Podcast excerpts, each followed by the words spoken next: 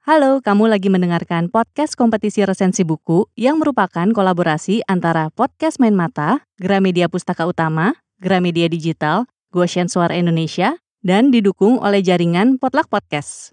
Kali ini kamu lagi dengerin resensi buku dari teman-teman yang berpartisipasi di kompetisi. Selamat mendengarkan! Halo para penjelajah buku, selamat datang di Jelajah Buku bersama gue, Randy Vali. Selamat datang di Jelajah Buku.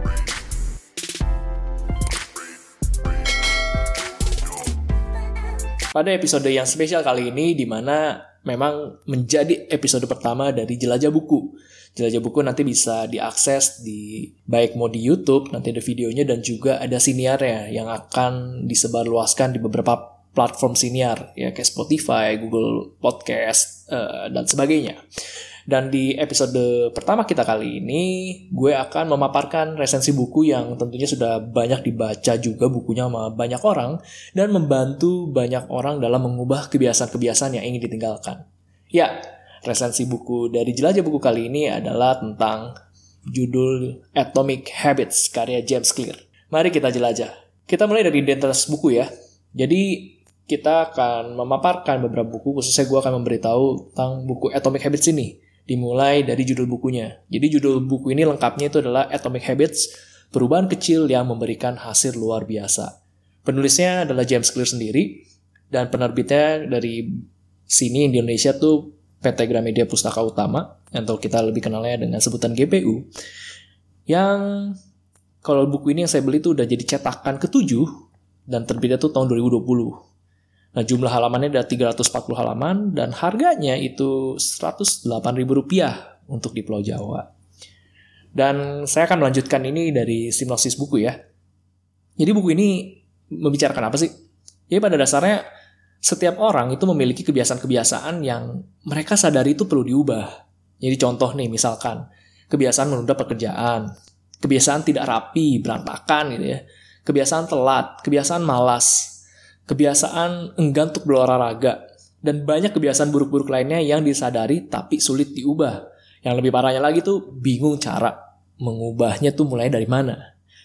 Nah, James Clear hadir untuk menjawab permasalahan tersebut dengan membagikan pengalaman hidupnya yang di mana banyak berubah karena melakukan perubahan-perubahan kecil. Nah, ini yang akhirnya diajak sama James dalam buku Atomic Habits ini, yaitu mengajak melakukan perbaikan 1% setiap harinya. Menurut gue ini adalah konsep yang sangat menarik. Jadi James tuh menyadari apa yang menjadi kebiasaan kita sekarang adalah hasil dari kebiasaan-kebiasaan sederhana yang terus dilakukan dari diri kita di masa lampau, jadi dulu-dulu.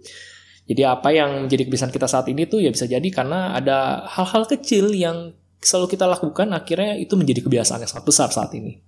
Dan itu antara yang baik ataupun yang tidak baik ya tentunya. Maka buku Atomic Habits ini mengajak untuk kita mulai membentuk kebiasaan baik tersebut.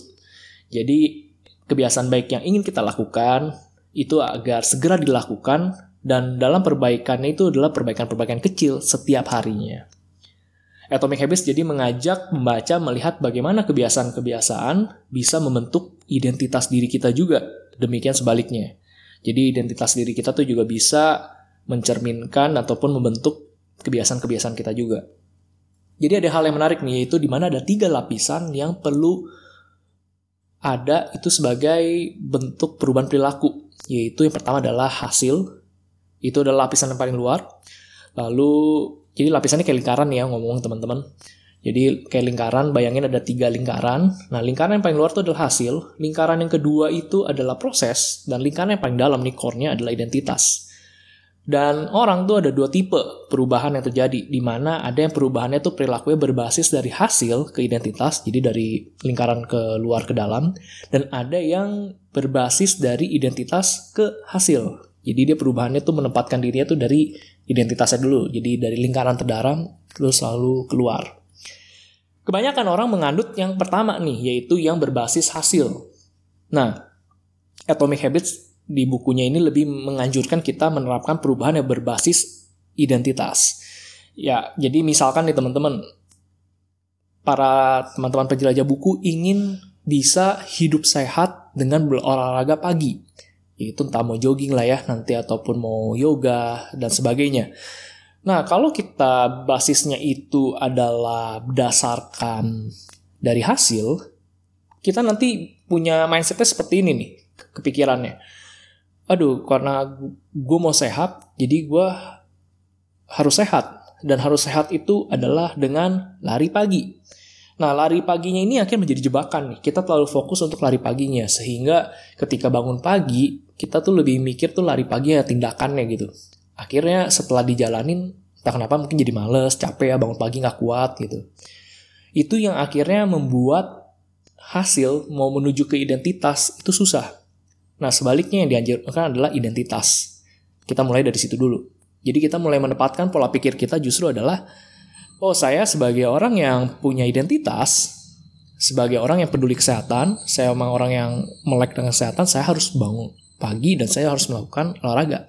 Jadi bukan fokus ke hasilnya gitu, aduh saya harus sehat gini ya, saya perlu sehat gitu. Tapi sudah memikirkan saya sebagai orang yang sehat. Karena sebagai orang yang sehat, orang yang peduli dengan kesehatan, maka saya akan berolahraga pagi. Nah ini yang akhirnya menjadi lebih diajak sama buku Atomic Habits ini terkait dengan tiga lapisan perubahan. Nah yang lebih menariknya lagi, jadi di Atomic Habits ini juga punya gagasan utama yang menjadi topik utama yang ditawarkan pada buku ini, yaitu bagaimana kita memahami prinsip atomic habits itu sendiri. Yaitu dengan mengatasi tiap-tiap tahapan pada siklus pembentuk kebiasaan manusia yang itu terdiri dari empat tahap. Yang pertama itu adalah petunjuk, gairah, tanggapan, dan ganjaran. Nah ini maksudnya seperti apa teman-teman? Jadi bayangin ada kuadran ya. Kuadran satu itu yang dari kiri atas itu ada petunjuk, lalu ada kanan atas ada gairah, turun ke bawah ke kanan bawah ada tanggapan, lalu ke kiri bawah ada ganjaran. Ini siklus dia muter terus nih, tahapannya jadi 1, 2, 3, 4 gitu ya muter ya, clockwise. Nah, jadi orang dalam membentuk kebiasaan itu biasanya ada petunjuk gitu. Misalkan saya mau makan sehat gitulah ya. Katakanlah saya mau jadi vegan gitu atau vegetarian. Nah, kalau saya di dap ketika dapur buka kulkas itu isinya buah-buahan semua, isinya sayur-sayuran semua, itu akan memudahkan. Nah, itu menjadi tunjuk. Sebaliknya kalau ada kebiasaan buruk juga sama. Kalau misal mau malas-malasan nih tadi mau kerjain kerjaan, lalu ada handphone di samping kita, wah akhirnya kita malah lihat handphone bukannya kerja. Nah, handphone ini jadi petunjuk. Lalu juga akhirnya berlanjut ke gairah. Hal yang menarik itu biasanya menimbulkan gairah yang tinggi. Makanya kita kalau ngelihat HP jadi tertarik gitu. Makanya kalau kita benar-benar pengen jadi vegetarian, ngelihat sayur buah, jadi kita maunya makan itu aja. Nah, tanggapannya itu juga macam-macam. Tanggapannya itu ada yang jadinya itu terasa mudah, ada yang terasa sulit gitu. Nah, itu tinggal disesuaikan gitu. Jadi ini semua saling berkaitan. Jadi petunjuk, gairah, tanggapan, dan terakhir adalah ganjaran. Setelah kita melakukan itu semua, apa sih yang terasa memuaskan atau tidak gitu. Kalau misalkan main HP terus ya terasa menyenangkan ya biasanya ganjarannya puas. Jadi karena puas kita balik lagi tuh ke siklus pertama, lihat petunjuk lagi, kita pengen lagi melakukan hal yang sama. Demikian juga sama yang ingin menjadi vegetarian atau vegan. Ketika dia merasa tubuhnya sehat, dia makan, tumbuh-tumbuhan gitu ya, buah-buahan gitu, sayur-sayuran, akhirnya dia mengulanginya lagi. Jadi siklus itu berlaku terus sampai menjadi kebiasaan. Nah, ternyata hal itu yang ditawarkan oleh buku Atomic Habits ini. Jadi di mana membentuk kebiasaan baru dan menggeser kebiasaan lama dengan empat kaidah Atomic Habits, yaitu pertama menjadikannya terlihat. Menjadikannya terlihat ini terkait dengan petunjuk ya. Jadi kayak tadi saya lihat, kalau untuk hal yang ingin kita ubah, ini untuk hal yang kita ubah yang positif ya. Untuk yang kita ingin lakukan, kita justru harus melakukan itu terlihat. Jadi misalnya contoh kayak tadi, misalnya mau olahraga pagi ya. Nah, setiap kita mau melakukannya itu tiap hari, itu mungkin kita taruh sepatu olahraganya di dekat uh, pintu keluar gitu. Jadi ketika kita bangun pagi kita lihat oh ada sepatu, ya saya harus olahraga. Atau nanti baju-bajunya, baju-baju olahraga kita udah taruh di kamar kita. Jadi ketika bangun, kita langsung lihat, oh saya perlu olahraga. Jadi intinya bikin itu terlihat yang terkait dengan olahraga. Lalu timbulkan gairah. Nah gairah ini tuh jadikan itu menarik gitu. Ini terkait dengan mindset juga gitu ya.